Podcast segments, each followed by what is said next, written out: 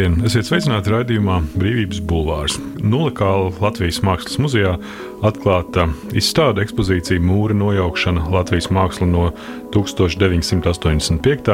līdz 91. gadam, kas vēsta par Latvijas laikmetīgās mākslas procesiem un sociālo politisko pārmaiņu laikā Tajā pašā nedēļā mēs arī piedzīvojām, ka Krievijas oligārha Piotra Avena porcelāna izstādi mēģināja izmantot Eiropas Savienības sankciju ignorēšanai. Tas ir izmantoja politiskiem mērķiem. Māksla un vara, un attiecīgi arī brīvības jautājumi, ir eh, jēdzieni, par kuriem ir vērts runāt vienmēr. Radījumā Brīvības bulvārs saruna ar Nacionālā mākslas muzeja direktoru Mārlācu. Labdien! Labdien! Šobrīd ir grūti iztēloties ir grūti iztēloties to, kas, ko nozīmē padomju vara. Tev visu laiku ir tas, ko tu iemācies, ka tas, ko skolā, nav pa īstam. Un tas, ko mājās, tas arī liekas, tas ir tik, tik pretēji visam tam, ko tev māca skolā, ka tu tā īsti nevari saprast arī. Un ar, vien, ar laiku, jo tie visi izsūtījumi, tās traģēdijas vecāku paudzi, jo mums to lāga nestāstīja. Viņi mūs saudzēja un baidījās, ka izpļāpāsies. Bet to diezgan ātri iemācās. To diezgan ātri iemācās, ka tas, ko runā mājās vai vecāki ballītēs, kad vecāki sadzerās, tas nav stāstāms skolā, tas nav stāstāms draugiem. Līdz ar to tā, nu, zināmā mērā, pašcensūra. Viņa ir no bērna kājas. Sandra Krasteņa, mākslinieca sadaļā, kas ir arī izstādes daļa, kas ir pieejama YouTube, intervijas ar mm -hmm. māksliniekiem, Jā. saka, ka ir.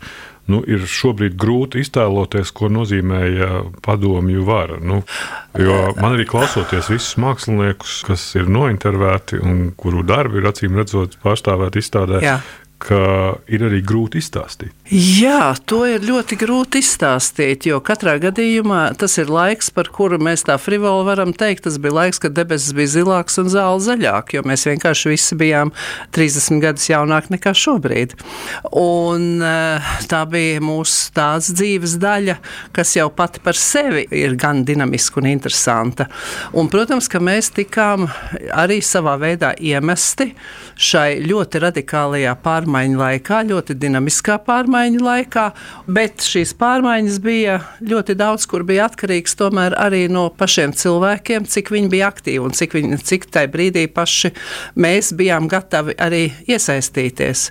Un jāsaka godīgi, jūs uzdevāt jautājumu par mani. Es šai laikā tāpat strādāju Mākslas muzejā, es nebiju vadošajā sastāvā, es biju speciālists.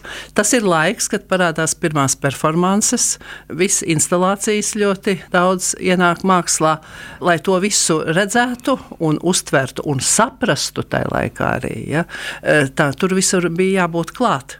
Nu, un šodien, eh, skatoties, protams, no tāda izstādes veidotāja viedokļa, man šķiet, ka ir ļoti mm, būtiski tomēr šis cilvēku, šo manu kolēģu redzējums, kā viņi iepazīstoties un, un rūpīgi detalizēt skatoties visu šo periodu, kādus akcentus viņi uzliek un kādas konsekvences vai paralēlas ar citām lietām, vai kas viņi arī saskat. Šī izstāde tomēr ir politiska, ja mēs tā varam varam teikt, savā veidā. Es domāju, kur ir atšķirība tajos laikos. Tajā 80. gadu beigās un 90. sākumā bija uzrāviens, bija entuziasms un bija ideja, kuru vajag panākt. Tagad man liekas, tā bišķi trūkst. Es jau mēģināju, kā lai saka, to sauc laikam par ezopu valodu. Es jau, teiksim, tajās gleznās neliku iekšā kaut kāds lozungs, gāz, gāzīsim pastāvošo varu. Bet es kaut kādām dakšām nu, visu laiku mēģināju, nu tā ar ironiju, tā, tādu tā kā izsmieklu vispār. Tā. Un, pamazām tā ironizēšana palika vien rafinētāka. Daudzas lietas sāk piepildīties, bet ne tā, kā es to būtu gribējis un iedomājies. Tā tikko Nacionālā mākslas muzeja ekspozīcijā Mūra nojaukšana Latvijas māksla no 85. līdz 91. gadam uzdot savu jautājumu mākslinieks Ivars Poikāns. Pēcērs sabrukumu viņš bija gaidījis jau sen, jo Ivara tēvs Bērtuls Poikāns ar dēlu vienmēr esot runājis kā ar pieaugušu cilvēku un komunistus bez aplinkiem sauc par okupantiem. Tomēr pēc PSRS sabrukuma atklājās, cik neinformēti un naivi ir bijuši pat tie, kas paslepus lasīja aizliegto literatūru un klausījās Amerikas balsi. Tāpēc pārmaiņu laikos Plakāns nekļuva par atjaunotās valsts negatīvisku apjūsmotāju, bet saglabāja labi trenēto kritisko skatu. Viņš saka, es jau toreiz ātri atjēdzos pēc atmošanās un sapratu, ka visa tā kompānija, kas to rosās, īsti tīra nav. No sava tēva bija mācījies visu apšaubīt un nekam neticēt. Mums... Plakāns saka, nu, ka principā skatoties retrospektīvi viss, kas tika radīts, un to vairāk saka Jā. no, no māksliniekiem tajā laikā, ka tā tomēr ir runāšana tādā ezopa valodā.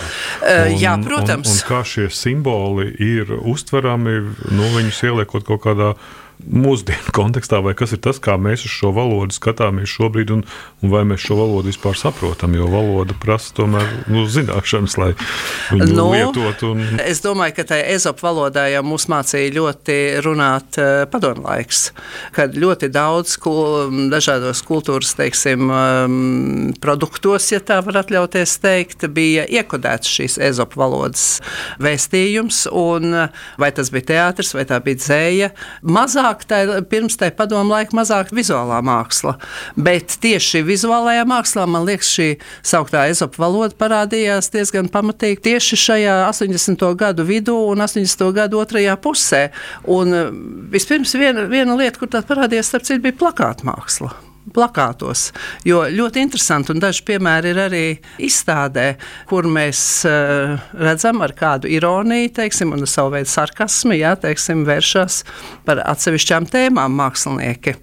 Nu, tā tēlainā valoda jau pavisam noteikti ir, tā, ir mākslā vajadzīga arī. Kaut vai, ja mēs skatāmies tos pašus poikānu darbus, vai kad mēs skatāmies uh, maigo svārstību, šīs pēc tam tā nosauktās grupas jā, darbību, kā tā parādās un kā tā realizējās atsevišķi autoru darbos. Izstādē, diemžēl, nav pārstāvēti visi smaigo svārstību dalībnieki, bet, nu, kā mēs redzam, kā tur tajos, ko mēs esam eksponējuši, kā tas parādās. Jā. Bet, starp citu, to kaut kā toreiz man liekas, ka skatītājs ļoti ļoti pašsaprotami, kaut kā pat apbrīnojami pašsaprotami pieņēma. Jā, es tikai domāju, kas notiek Jā. ar, gan ar tekstiem, gan arī ar darbiem ja šie zemteksti vairs nav nolasāmi.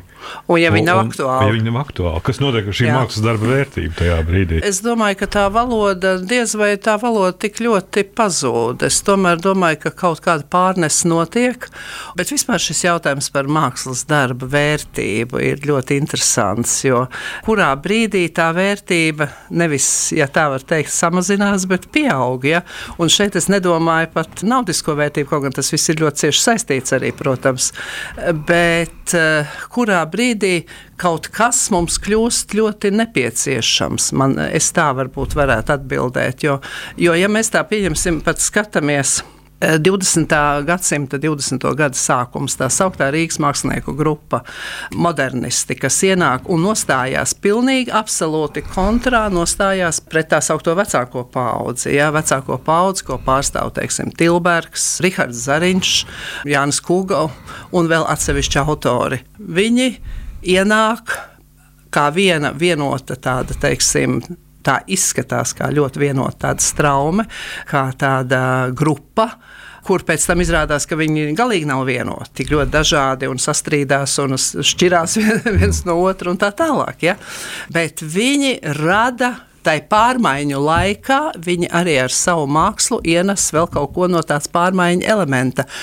Un pienāk kaut kāds brīdis, kad šie darbi, kas ir radīti noteiktajā laikā, viņi iegūst kaut kādu vēl savu papildus vērtību.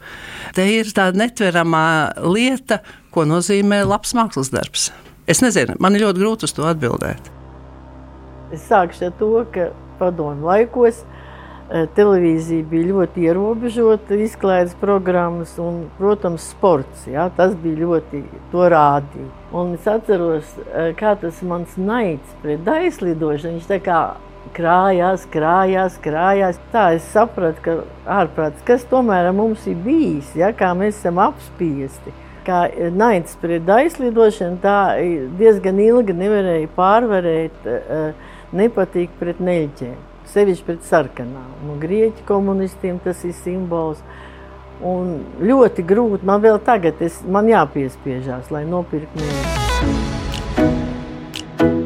Vēl atgriežoties pie tiem padomi vai to periodu, par ko ir stāsts arī šajā izstādē. Uh, nu, Mākslinieks Helēna Henigsona saka, ka viņai ir saglabājies kopš tiem laikiem uh, naids pret aizlidošanu un neļķiem. Vai jums ir tāds kaut kāds līdzīgs riebums pret kaut kādiem procesiem, kuriem ir saistība ar, Starp citu, ar šādu veidu atmiņām? Runājot par neļķiem, es uzreiz varu teikt, ka es pievienojos Helēnai Henriksonai. Man arī ļoti, es kāpēc, nepa, kaut gan man ļoti patīk ziedi dažādi, bet ļoti nepatīk neļķis. Un tas, es domāju, ka kaut kādā veidā laikam tiešām nāk no tā laika. Uh, ziniet, es to laiku savukārt kā vienu no tām uh, trakākajām lietām un, un smagākajām priekš sevis, es izjūtu to, ka tomēr bija tik ārkārtīgi daudz ierobežojumu ceļošanai. Pareizāk sakot, tu jau īsti nekur nevarēji normāli tikt. Ja? Tad, kad atvērās tās robežas, un tad, kad tu pabrauc pa pasauli, kad bija šīs iespējas, un kad tu pēkšņi saprati, ka viss tas, ko tu savā laikā esi mācījies, arī mākslas vēsturē, ka, un skatījies melnbaltās ilustrācijās, ka tu pēc tam redzi, ka tas viss ir bijis praktiski savādāk. Ja? Un, un tad tu iegūsi to pieredzi, un tā bija man viena no lielākajām traumām. Un es to izjūtu, tiešām to reāli izjūtu kā ļoti kā tādu sev nu, tādu pāri nodarījumu. Citādāk jau, nu kā nu mēs dzīvojam, katrs savu dzīvi tādu, kāda viņa bija, un muzejā jau bija ļoti interesanti. Tas Muze- ir riebums pret reprodukcijām. Starp citu, jā, varētu teikt, nu, melnbaltām reprodukcijām, kur neko nevar redzēt. Mu muzejā mēs jau tajā padomu laikā ļoti saskārāmies ar cenzūru, ļoti pamatīgi. Tā kā var teikt, ka man ir sava veida naids pret to. Un pēc tam es esmu varbūt reizēm bijusi, man ir tagad atļāvušies atsevišķos gadījumos pārmest, ka es esmu pārāk liberāla, ka es pārāk daudz ko varbūt atļauju vai kā. Bet cenzūra man likās, ka tas ir kaut kas briesmīgs, ja? ka kaut kādu pat sīkumu dēļ, vai tas autors ir emigrējis, vai, vai tas autors ir, kā saka, savā šķīvī. Balters šķīvī ir izveidojis sarkanbaltu sarkano karogu, un tāpēc to priekšmetu nedrīkstēja eksponēt. Tas bija manā skatījumā, lūk, tās ir tās lietas, kas ļoti ierobežo. Bet tas jau nenozīmē, ka šobrīd mēs nestrādājam drusku savādāks, bet tomēr savu veidu cenzūras apstākļos arī. Brīvība, robežas, personība, vara, tauta, ideja, viedoklis, nākotne, dzīve un attieksme. Raidījums Brīvības Bulvārs.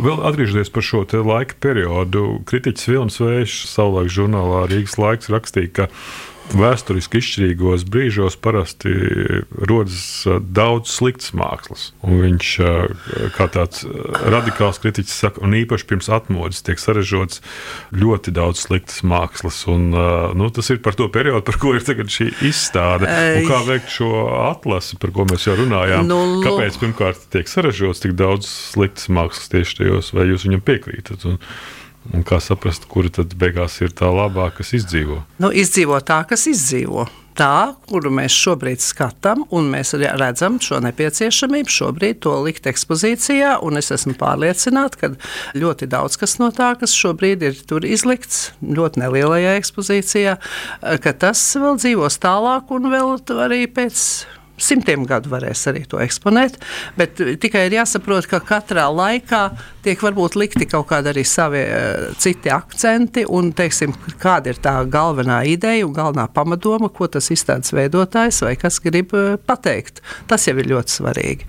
Un tos darbus jau var izmantot, lai raksturotu šo laiku, kuru es gribētu saukt par tādu dusmīgo laiku, jo man šķiet, ka tā liela daļa no tās mākslas, ko mēs tur esam šobrīd eksponējuši, ka tā ir dusmīga. Tā ir, ka tajos vēstures izšķirīgajos brīžos, kas saka, vējš radās tā. Sliktā Tā māksla. sliktā māksla, jā, ka ir tā ir tāda indeve tādos Es, eh, brīžos. es kaut kā viņam negribētu piekrist, eh, ka tais tieši tais brīžos rodas. Es tomēr domāju, ka tādos laikmeta, vai tiešām mēs taču tomēr varam runāt par savu veidu laikmetu sadursmēm un laikmetu kaut kādiem griežiem. Ja? Es tomēr domāju, ka šai laikā pārāk daudz sliktas mākslas varbūt nerodas. Man šķiet, ka tie, kam ir ko teikt un kas grib teikt, viņi tieši šādos saspringzinājumos kaut kādos brīžos runā vairāk no sirds un viņiem tās emocijas ir īstākas un patiesākas, kuras viņi liek laukā. Es to redzu tajā mūru nojaukšanas ekspozīcijā, tomēr to šobrīd. Slikta māksla pavisam noteikti diezgan daudz un lielā skaitā radās 80. gados, kā tādos, kad bija tas sauktais stagnācijas periods, un kas bija tāds, nu tāds Nevienu īpaši nekas neinteresē, nevienu nekas īpaši neuztrauca. Viss tāds lēni plūstošs kaut kur, ja tas laiks. Un jā, tad man šķiet, ka radās daudz slikts mākslas. Bet vispār šeit es tomēr gribētu papildināt vēl vilnu vēju, eh, ka viņa teikto, ka manā skatījumā slikta mākslas daudz rodas visos laikos. Jaunā ekspozīcija mūra nojaukšana Latvijas māksla no 1985. līdz 91. gadam veltīta Latvijas laikmatīgās mākslas avangardiskajai lomai mūsu valstiskās neatkarības atgūšanas periodā, kad Gorbačova 85. gadā inicētās atklātības un pārbūves politikas iespējā sabiedrībā, tā skaitā rakstnieku, mūziķu, mākslinieku vidē, aizsākās ievērojami liberalizācijas procesi. Tie iedvesmoja Latvijas sabiedrību un ietekmēja arī politisko lēmumu pieņemšanu. Šis nesenās vēstures laika posms, kad māksla kļuva par pretošanās formu un pārmaiņu veicinātāju, atgādina mums kultūras un radošās brīvības nozīmi. Izstādes nosaukums atsaucas uz Kristapa ģēlža video instalāciju Mūra nojaukšana, kurā mūris skatāms kā ideoloģisks simbols cels priekškaram, kas sadalīja Eiropu četrus gadus desmitus. Tā teikts izstādes atklāšanas aprakstā. Vai jums krājumā ir daudz tā saucamās ideoloģiskās mākslas? E, ļoti daudz. Jā. Un... Ļoti daudz, jo krājums veidojās, un, un teiksim, tā, var jau teikt, ka tā sauktajā padomju laikā mākslinieki dzīvoja ļoti labi. Tiem, kam, no kuriem pirka daudz darbus, jo jāsaka, ir kolekcijā iepirka ārkārtīgi daudz darbus. Un, nu, vienmēr ir jāatcerās, ka māksla tomēr ir sava veida ideoloģija. Ir varas institūcijas, kas vienmēr mākslu ir gribējušas kaut kādā veidā nu, dabūt sev paklausīgu un sev vajadzīgu. Tas padomu laikā tā ideoloģija jau noteica to, ka mākslinieki bija ļoti mīlēti, cienīti un tie darbi tika iegādāti. Līdz ar to bija daudz tie darbi, kas bija tā sauktie pasūtījuma darbi par noteiktām tēmām.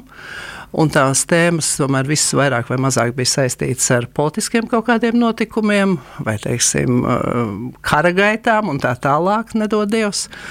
Bet, protams, ka paralēli visu laiku pastāvēja arī tā saucamā, laikā varētu teikt, brīvā māksla. Tas, kur tas mākslinieks savā darbnīcā, nu, viņš glezno to, ko viņš grib. Nu, es te runāju par glezniecību, bet ne jau tikai glezniecību, bet viss, kas, nu, ja mēs runājam, jūs pieminējāt telniecības lielo objektu Rīgas pilsētā, bijušo, kas bija telniecībā, jau bija pavisam savādāk tā lieta, ja, jo tāpēc, ka, ja nav pasūtījums, tad nav arī telniecības darbi, jo nav jau nepieciešamība šos darbus darbus veidot. Nu, jā, jūsu krājumos arī ir, piemēram, Mums Gustavs Klucis. Ir, mūsu krājumos ir Gustavs Klucis, jā. Kurš slavināja Staļina režīmu. Un šis nepareizais latvietis ir tāds sajūta, ka viņš ir šobrīd kļūst arvien nepareizāks mums, jā, visās traktējumos, jā, no kā mēs, protams, ļoti gribētu, teiksim, izvairīties.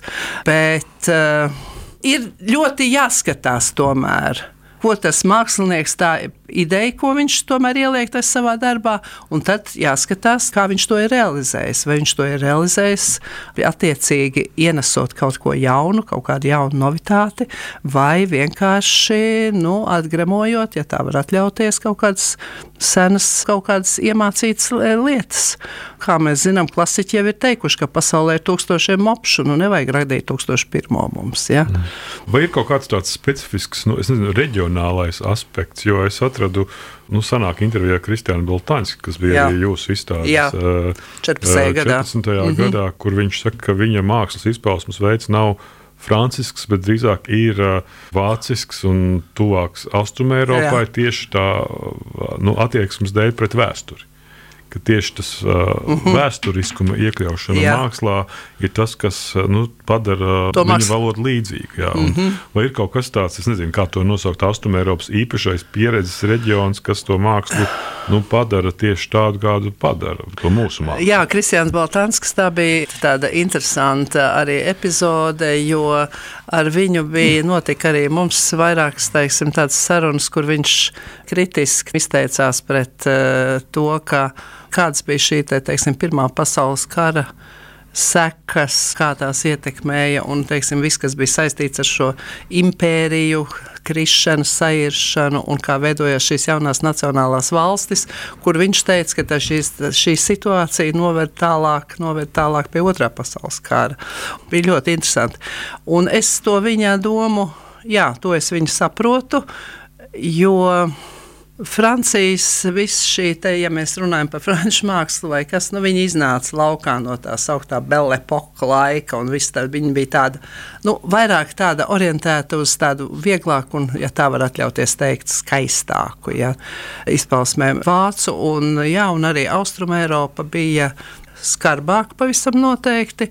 Vēstures tās atblāzmas un vēstures iezīmes, tās elpas iezīmes, ja, parādās varbūt skaudrāk šajā reģionā mākslas darbos. Bet eh, šeit es tomēr gribētu atzīmēt to, ka man liekas, ka latviešu mākslinieki, nu, ja mēs runājam par tādu starpkara periodu, tad viņi vairāk orientējās uz to franču pusi tomēr un uz eh, beļģu pavisam noteikti arī, jā, bet tā franču tāda aizrautība un interese par franču mākslu, tā, protams, vienmēr ir savā veidā arī dominējusi. Bet, protams, pienāk brīdis, kad, kad tas viss mainās, un tas viss, protams, ļoti mainās 20. gadsimta otrajā pusē. Mēs ienācām 2022. gadā ar sajūtu, ka diez vai mēs varēsim atgriezties atpakaļ tajā dzīvē, kādā mēs bijām pieraduši. Un tad nāca šis trieciens, kas uzreiz noslaucīja šīs labās domas, ieceres un izjūtas. Un šī situācija ir sācinājusi ļoti daudzus notikumus. Mēs esam izcīnījuši pieminiektu karus, mēs esam atbrīvojušies no šīs pagātnes rēgiem, Mēs esam ārēji vizuāli atbrīvojušies, bet ir jautājums, vai mēs esam iekšēji atbrīvojušies. Tā pagājušā gada nogalē Latvijas sabiedrisko mediju portālā uzdeva savu jautājumu Nacionālā mākslas muzeja direktore Māra Lāca. Bet nu, viens no jautājumiem, protams, šobrīd ir kāda ir māksla nu, iespējama kara laikā? Māksla ir iespējama kara laikā. Māksla, es domāju, ka iespējama ir visāda. Mēs varam uh, gleznot skaistas mazas puķītes un likt rindā, un būs ļoti skaisti. Bet mēs varam uh, salikt rindā šīs uh, ukraiņu saulespuķis. Un svarīgs ir tas vēstījums. Mm. Par vienu no notikumiem, kas gan bija iecerēta laikam, kā īslaicīga akcija, bija mākslinieka Krišs Salmaņa plakāts pie medicīnas muzeja. Kļuva nu jau gadu gandrīz. Jau gandrīz gadu, un, un pats mākslinieks rakstīja pēc tam, ka ka tā bilde ir pārāk emocionāla, lai būtu māksla. Tā nebija, tas nebija mērķis, lai kļūtu par mākslu, ar ko tā kļuva. Nu, šeit es domāju, ka Krišs Salmans grib pateikt, ka tas darbs ir varbūt pārāk plakātisks. Nu, tādā nozīmē, ka tās emocijas tur ir pārāk plikas, teiksim tā. Ja? Viņas ir tādas ļoti tiešas, tās emocijas ir. Un no tāda viedokļa viņš varbūt tos uh, arī nesauc par mākslas darbu. Es tādas plakātiskas darbus tomēr arī saucu par mākslas darbu. Bet viņš kļūst par tādu tajā brīdī, vai kas? Ir ārkārtīgi nepateicīgs uzdevums ir prognozēt uh, konkrētā mākslas darba vai nemākslas darba tālāko gaitu, kā tas būs. Es personīgi domāju, ka ka šis darbs saglabāsies un saglabāsies kā liecība par laiku un saglabāsies kā liecība par tomēr pietiekami spilgtu tēlu. Ja? Jo te mums tomēr ir jārunā par, arī par šo izpildījumu un teiksim, tas, ko mākslinieks Krišs Salmans ir at, atainojis. Eh, bet Krišs Salmans, šis darbs viņam ir savu veidu drusku neraksturīgs, jo viņš ir eh, nu, tādu klusāku un varbūt dziļāku darba autors.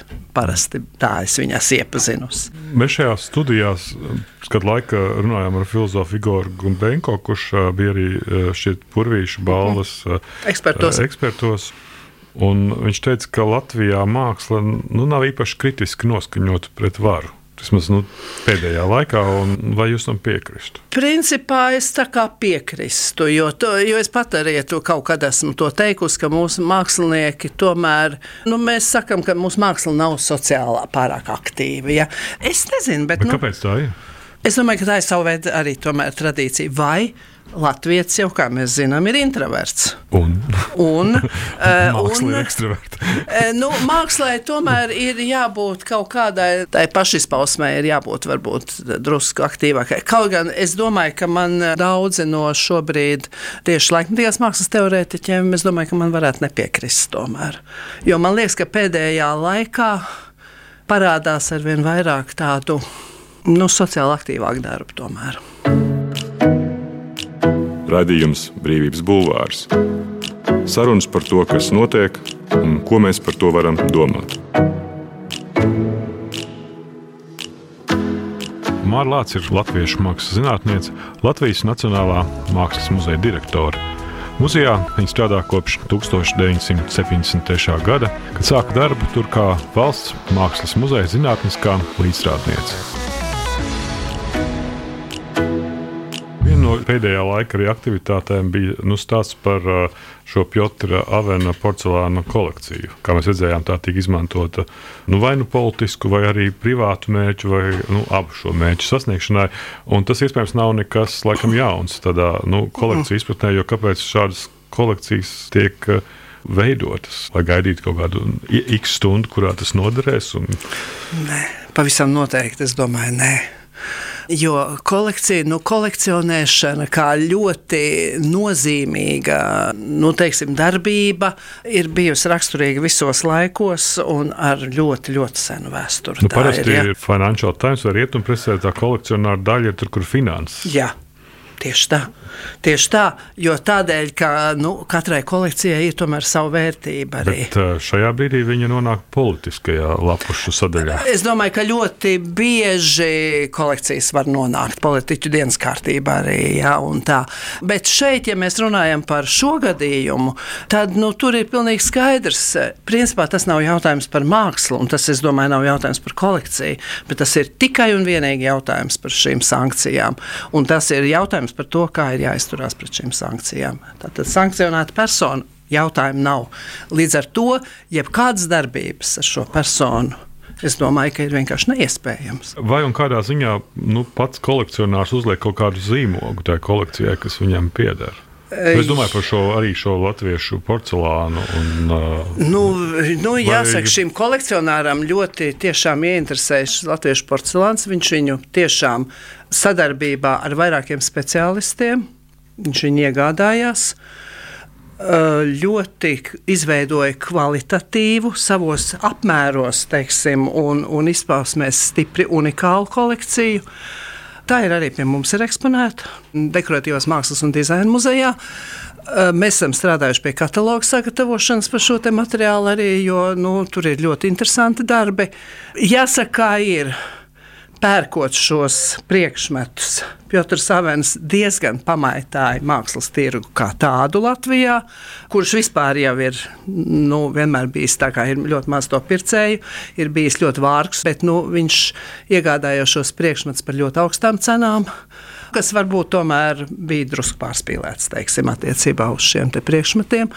Līdz ar to muzejs vairs nevarēja tam, tam materiālam tikt klāt kas parādījās tajā brīdī, teiksim, mākslas tirgū. Bet kolekcija bija izveidota ļoti pamatīga un ļoti labi arī rādīta. Tā kolekcija ir ļoti pamatīga ir parādīta jau. Ja? Es domāju, ka kolekcija turpinās dzīvot. Paldies! Tā bija Māra Lāce, Nacionālā muzeja direktore. Mans vārds ir Gins Grūber. Radījumu ierakstīja Toms Šits un uh, Monteja Normitspa. Paldies! Paldies! Paldies. Brīvība ir brīvība nevienlīdzība vai taisnīgums, vai kultūra vai cilvēks laime. Tā teica Iesai Berlīns. Sarunas ar brīvas apziņas un ideju cilvēkiem radījumā Brīvības bulvārs.